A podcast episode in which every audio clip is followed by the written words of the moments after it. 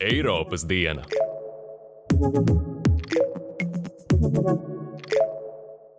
Sveicināti Eiropas dienā! Es esmu Monika Cālīte. Un es Andris Auzāns. Lai risinātu pašreizējo Eiropas un pasaules biodaudzveidības krīzi, Eiropas parlaments pieņēmis rezolūciju Eiropas Savienības biodaudzveidības stratēģiju 2030. gadam ar nosaukumu Atgriezīsim savā dzīvē dabu.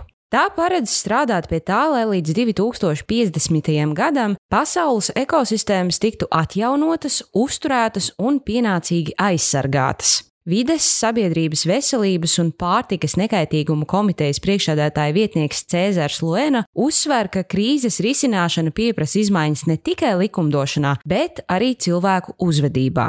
Lai atrisinātu biodaudzveidības krīzi, jāmainās mums pašiem. Jāpārskata ražošanas un patēriņa ieradumi lauksaimniecībā, zemkopībā, zvejniecībā, jāpieliek pūliņi un reizēm tas var arī prasīt kaut ko upurēt.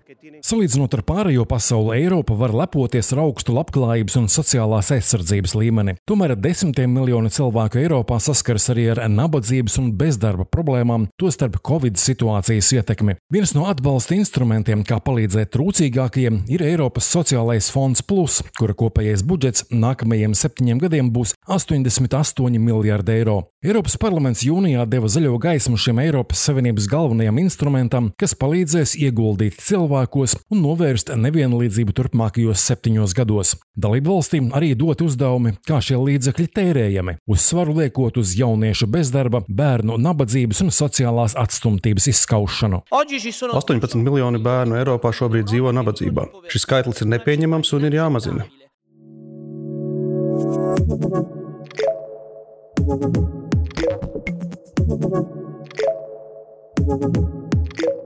Eiropas parlaments prasa vairāk sankciju pret Baltkrieviju pēc Ryanair lidmašīnas nolaupīšanas un žurnālista Romāna Protaseviča aizturēšanas. Deputāti pauduši stingru nosodījumu, norādot, ka lidmašīnas piespiedu nosēdināšana ir valsts terorisma akts. Eiroparlamentārieši aicinājuši nekavējoties un bez nosacījumiem atbrīvot aizturēto Protaseviču un viņa draudzeni Sofiju Sapegu, kā arī visus pārējos Baltkrievijā aizturētos žurnālistus un politieslodzītos. Parlamentāriešu pieņemtajā rezolūcijā aicināts izslēgt Baltkrieviju no starptautiskām sporta organizācijām un starptautiskiem pasākumiem, tostarp Eiropas un pasaules čempionātiem, kā arī Tokijas Olimpiskajām spēlēm.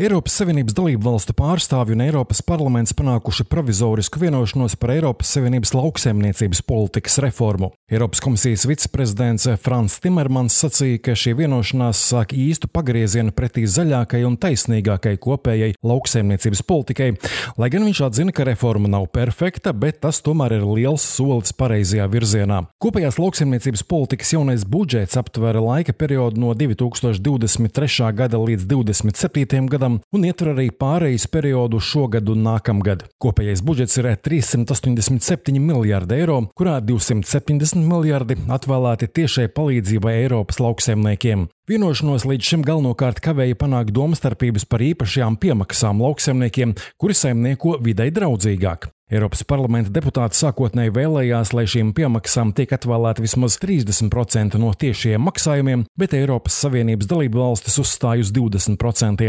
Rezultātā tika nolēmts šīm piemaksām atvēlēt 25% gadā.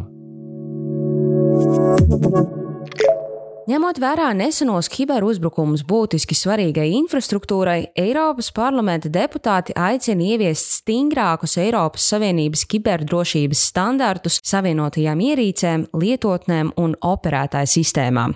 Deputāti brīdinājuši, ka hibrīd draudi Tās ir darbības, kuras valsts vai nevalstiski dalībnieki izmanto, lai uzbruktu demokrātiskām valstīm un institūcijām, kļūst ar vien biežāki un sarežģītāki. Parlamentāriešu pieņemtā rezolūcija aicina Eiropas parlamentu noteikt, ka visiem ar internetu saistītiem produktiem un piegādes ķēdēm, kas tos padara pieejamus, jābūt veidotiem tā, lai tie būtu noturīgi pret kibernoziegumiem un ar iespēju ātri izlabot vājās vietas. Eiropas parlaments pieņēmis Eiropas Savienības klimata aktu, likumu, kurā nostiprināta Eiropas centieni globālās sasilšanas mazināšanā. Tajā ir noteikti mērķi līdz 2030. gadam samazināt Eiropas Savienības siltumnīca efekta gāzu emisijas par 55% salīdzinot ar 1990. gada līmeni un līdz 2050. gadam panākt klimata neutralitāti. Parlaments Eiropas Savienības klimata aktu oficiāli apstiprināja ar 442 balsīm par, 203 pret un 51 deputātam atturoties. Daļa likumdevēja no zaļo grupas atturējās, prasot vērienīgāku, proti 60% emisiju samazinājumu līdz 2030. gadam. Klimata mērķu sasniegšanā būs jāiesaistās daudzām nozarēm, gan investējot jaunās videi draudzīgās tehnoloģijās, atbalstot inovāciju rūpniecībā, ieviešot tīrākus, lētākus un veselīgākus privātā un sabiedriskā transporta veidus, dekarbonizējot enerģētikas nozari, arī palielinot ēku energoefektivitāti. Saskaņā ar Eiropas parlamenta priekšlikumu tiks izveidota Eiropas Zinātnes konsultatīvā padome klimata pārmaiņu jomā, lai uzraudzītu Eiropas Savienības mērķu sasniegšanu un novērtētu, vai Eiropas politika šiem mērķiem atbilst. Bet Eiropas komisija pēc pieciem gadiem novērtēs visu Eiropas Savienības dalību valstu kopējo progresu, kā arī valstu pasākumu konsekvenci, virzoties uz mērķi par klimata neutralitātes sasniegšanu 2050. gadā.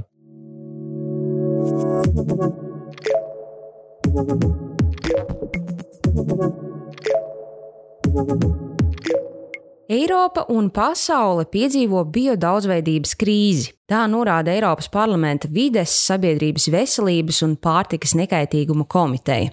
Lai to novērstu, Eiropas parlaments tikko pieņēmis rezolūciju. Eiropas Savienības biodaudzveidības stratēģija 2030. gadam atgriezīsim savā dzīvē dabu. Pētījumi rāda, ka visā pasaulē nepieredzēti strauji sarūga biodaudzveidība. Starpvaldību zinātnes un politikas platformas biodaudzveidības un ekosistēmu pakalpojumu jomā dati liecina, ka no aptuveni 8 miljoniem sugu vienam miljonam draud izmiršana. Tas liecina par Eiropas un pasaules mēroga krīzi, kuru steidzami jārisina norāda Vides, Sabiedrības veselības un pārtikas nekaitīguma komitejas priekšādātāja vietnieks Cēzars Luena.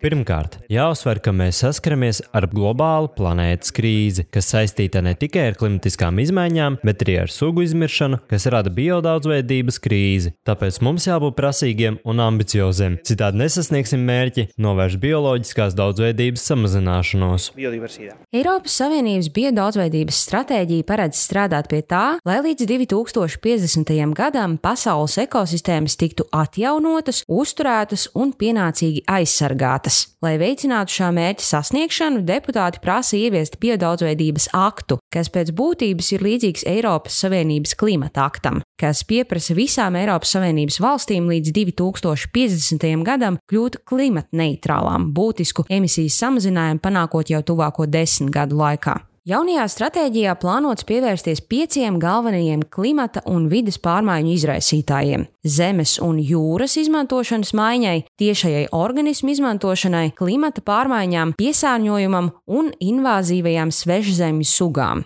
Deputāti no vides, sabiedrības veselības un pārtikas nekaitīguma komitejas uzsvēruši, ka bioloģiskās daudzveidības pasākumiem Eiropā ik gadu jānovirza vismaz 20 miljardi eiro. Līdzās tam deputāti norādījuši, ka jāievieš Eiropas Savienības dabas atjaunošanas plāns, lai tuvākās desmitgades laikā vismaz 30% Eiropas Savienības sauszemes un jūras teritoriju būtu aizsargājams. Mums ir ambiciozi mērķi - dabu restaurēt, aizsargāt un saglabāt. Esam apstiprinājuši komisijas priekšlikuma galvenos mērķus un atbalstījuši Eiropas Savienības dabas atjaunošanas plāna izveidi, lai atjaunotu vismaz 30% sauszemes un jūras teritoriju. Vai šobrīd ir Eiropas līmeņa likumdošana par sauszemes aizsardzību? Nav, bet tāda ir vajadzīga, lai varētu aizsargāt biodaudzveidību un izmirstošās sugas. Parlamenta deputāti uzskata, ka līdz 2030. gadam nedrīkst mazināties to aizsargājamo sugu skaits, kam piešķirts labvēlīgs aizsardzības status. Turklāt vismaz 30% sugu un dzīvotņu, kam pašlaik šāda statusa nav, tas ir jāpiešķir. Vēl deputāti iestājas par to, lai vismaz trešdaļai sauszemes un jūras teritoriju, tostarp visiem atlikušajiem Eiropas Savienības pirmotnējiem un senajiem mežiem, tiktu noteikta vēl stingrāka aizsardzība. Eiropas Savienības tiesa apstiprina, ka meži ir Eiropas Savienības kopējais mantojums. Primāri jāpasargā senie meži. Ir būtiski saprast, lai atrisinātu biodaudzveidības krīzi, jāmainās mums pašiem. Jāpārskata ražošanas un patēriņa ieradumi lauksaimniecībā, zemkopībā, zvejniecībā, jāpieliek pūliņi un reizēm tas var arī prasīt kaut ko upurēt. Gan izglītības, gan likumdošanas jomā būs svarīga loma, lai sasniegtu mērķi un glābtu izmirstošās sugas. Deputāti atbalstījuši arī ideju par Eiropas pilsētu zaļināšanas platformas izveidi, lai veicinātu biodaudzveidību pilsētās. Skatīts arī šobrīd Latvijā īpaši aktualizējies jautājums par pesticīdu lietošanu un to ietekmi uz vidi. Deputāti uzsvēruši, ka lauksaimniekiem nepieciešami videi nekaitīgi augu aizsardzības risinājumi, lai samazinātu pesticīdu lietošanu. Līdzās tam Eiroparlamentārieši arī aicinājuši steidzami pārskatīt Eiropas Savienības aputeksnētāju iniciatīvu un iekļaut tajā vērienīgu aputeksnētāju monitoringa sistēmu, lai apturētu aputeksnētāju populācijas sarukumu. Nākamais solis ir oktobrī plānotā ANO konference, kurā tiks noteikts pasaules biodaudzveidības prioritātes tuvākajiem desmit gadiem. Eiroparlamentārieši cer, ka konferences laikā tiks pieņemts Parīzes klimata nolīgumam līdzīgs regulējums biodaudzveidības jomā.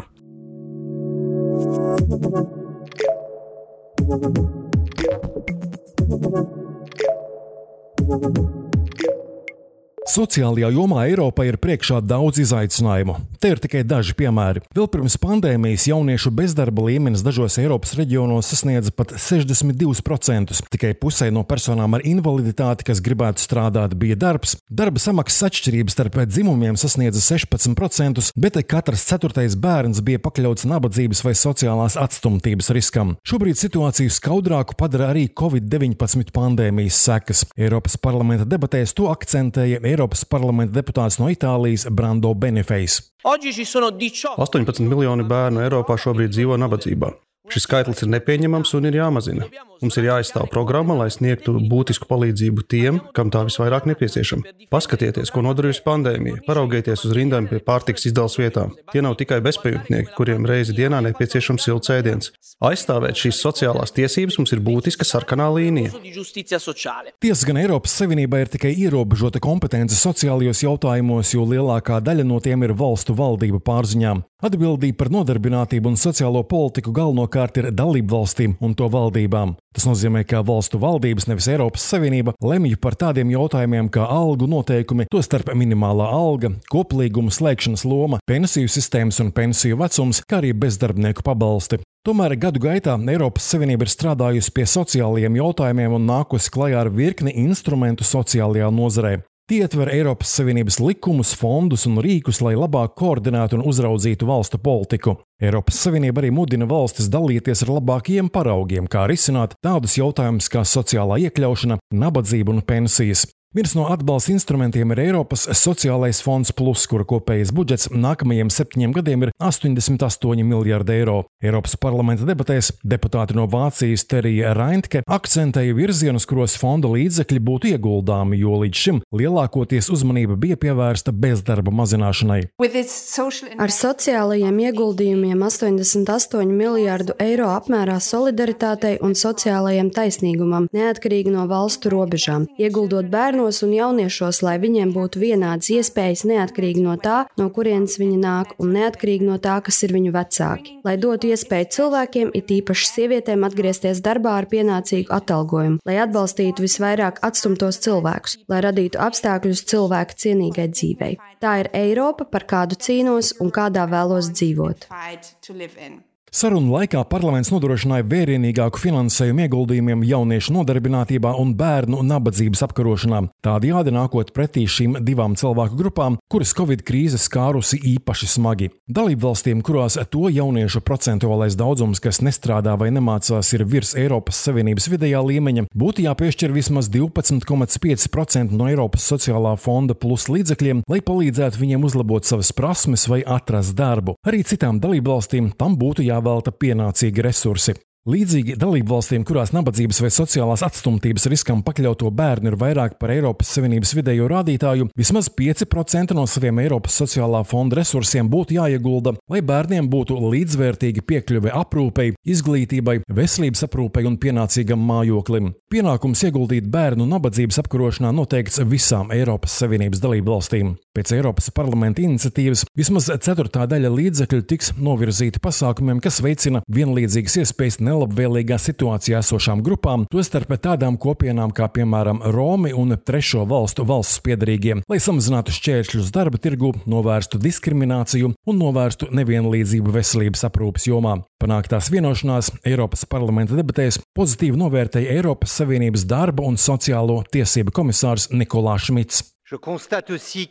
Ir ļoti plašs atbalsts Eiropas sociālajiem fondam, plus, kas patiesībā ir vecākais Eiropas Savienības struktūra fonds. Tādēļ būtu vērts atgādināt tiem, kas dažkārt apšauba nepieciešamību pēc sociālās dimensijas Eiropā, ka Eiropas Savienības dibinātāji par to bija padomājuši. Viņi bija sapratuši, ka Eiropas Savienība nevar būt stipra, ja netiek risināti sociālie jautājumi, Es arī ticu, ka šis fonds ir atbilde uz to 50% eiropiešu cerībām, kas pauduši nepieciešamību pēc stipras sociālas Eiropas. Tādēļ tagad mums jāķeras pie darba. Eiropas sociālajiem fondam būs svarīga loma apkarojot pandēmijas sociālo-ekonomiskās sekas un īstenojot rīcības plānu par tā saukto Eiropas sociālo tiesību pīlāru, kas ir politiska Eiropas Savienības institūcija un dalību valstu apņemšanās. Eiropas sociālo tiesību pīlārs tika proklamēts 2017. gada 17. novembrī sociālajā samitā Gēteborgā. Pīlāra mērķis ir būt par ceļrādu uz efektīviem nodarbinātības un sociālajiem rezultātiem, risinot pašreizējās un nākotnē paredzamās problēmas. Kopumā Eiropas sociālo tiesību pīlārā ir aptverti 20 principi trīs jomās - vienlīdzīgas iespējas un darba tirgus pieejamība, taisnīgi darba apstākļi, kā arī sociālā aizsardzība un iekļaušana. Eiropas parlamenta deputāts no Maltas Deivids Kaza debatēs par Eiropas sociālo fondu plus norādījusi fonda lomu Eiropas sociālo tiesību pīlāra principu īstenošanā. Es domāju, ka mums vajadzētu lepoties ar rezultātiem un to, ko mēs darīsim nākamo septiņu gadu laikā. Eiropas sociālais fonds Plus sniegs lielu atbalstu dalību valstīm, lai risinātu pandēmijas izraisīto krīzi, apkarojot bezdarbu, nodrošinot taisnīgu sociālo aizsardzību un darba spēku, kas ir gatavs pāriet uz zaļu un digitālu ekonomiku. Tā mēs ieviesīsim Eiropas sociālo tiesību pilāra pamatprincipus. Latvijā Eiropas sociālā fonda investīcijas tiek ieguldītas kopš 2004. gada, kad Latvija pievienojās Eiropas Savienībai. Latvijā Eiropas sociālā fonda līdzekļi līdz šim izmantoti izglītībā un kvalifikācijas paaugstināšanā, nodarbinātības veicināšanā, arī palīdzībā uzņēmējiem uzsākt biznesu, sabiedrības integrācijā un veselības aprūpē. Piemēram, nodarbinātības jomā ieguldīts daudzos bezdarbnieku un darba meklētāju apmācības projektos, mūža izglītības pasākumos, subsidēto darba vietu radīšanā nelabvēlīgākā situācijā esošiem bezdarbniekiem, bijušo ieslodzīto integrācijai sabiedrībā un darba tirgū, kā arī radot iespēju strādāt algotus pagaidu sabiedriskos darbus pašvaldībās. Izglītības un kvalifikācijas paaugstināšanas jomā īstenot projekti, kas palīdz jauniešiem izvēlēties profesiju, sniedz atbalstu studentiem un zinātniekiem, kā arī ar jaunām zināšanām palīdz kļūt par konkurētspējīgākiem darba tirgū.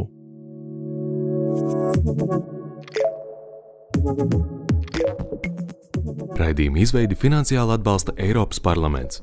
Par raidījumu saturu atbildīgi tikai tā autori, un Eiropas parlaments nav iesaistīts tā sagatavošanā.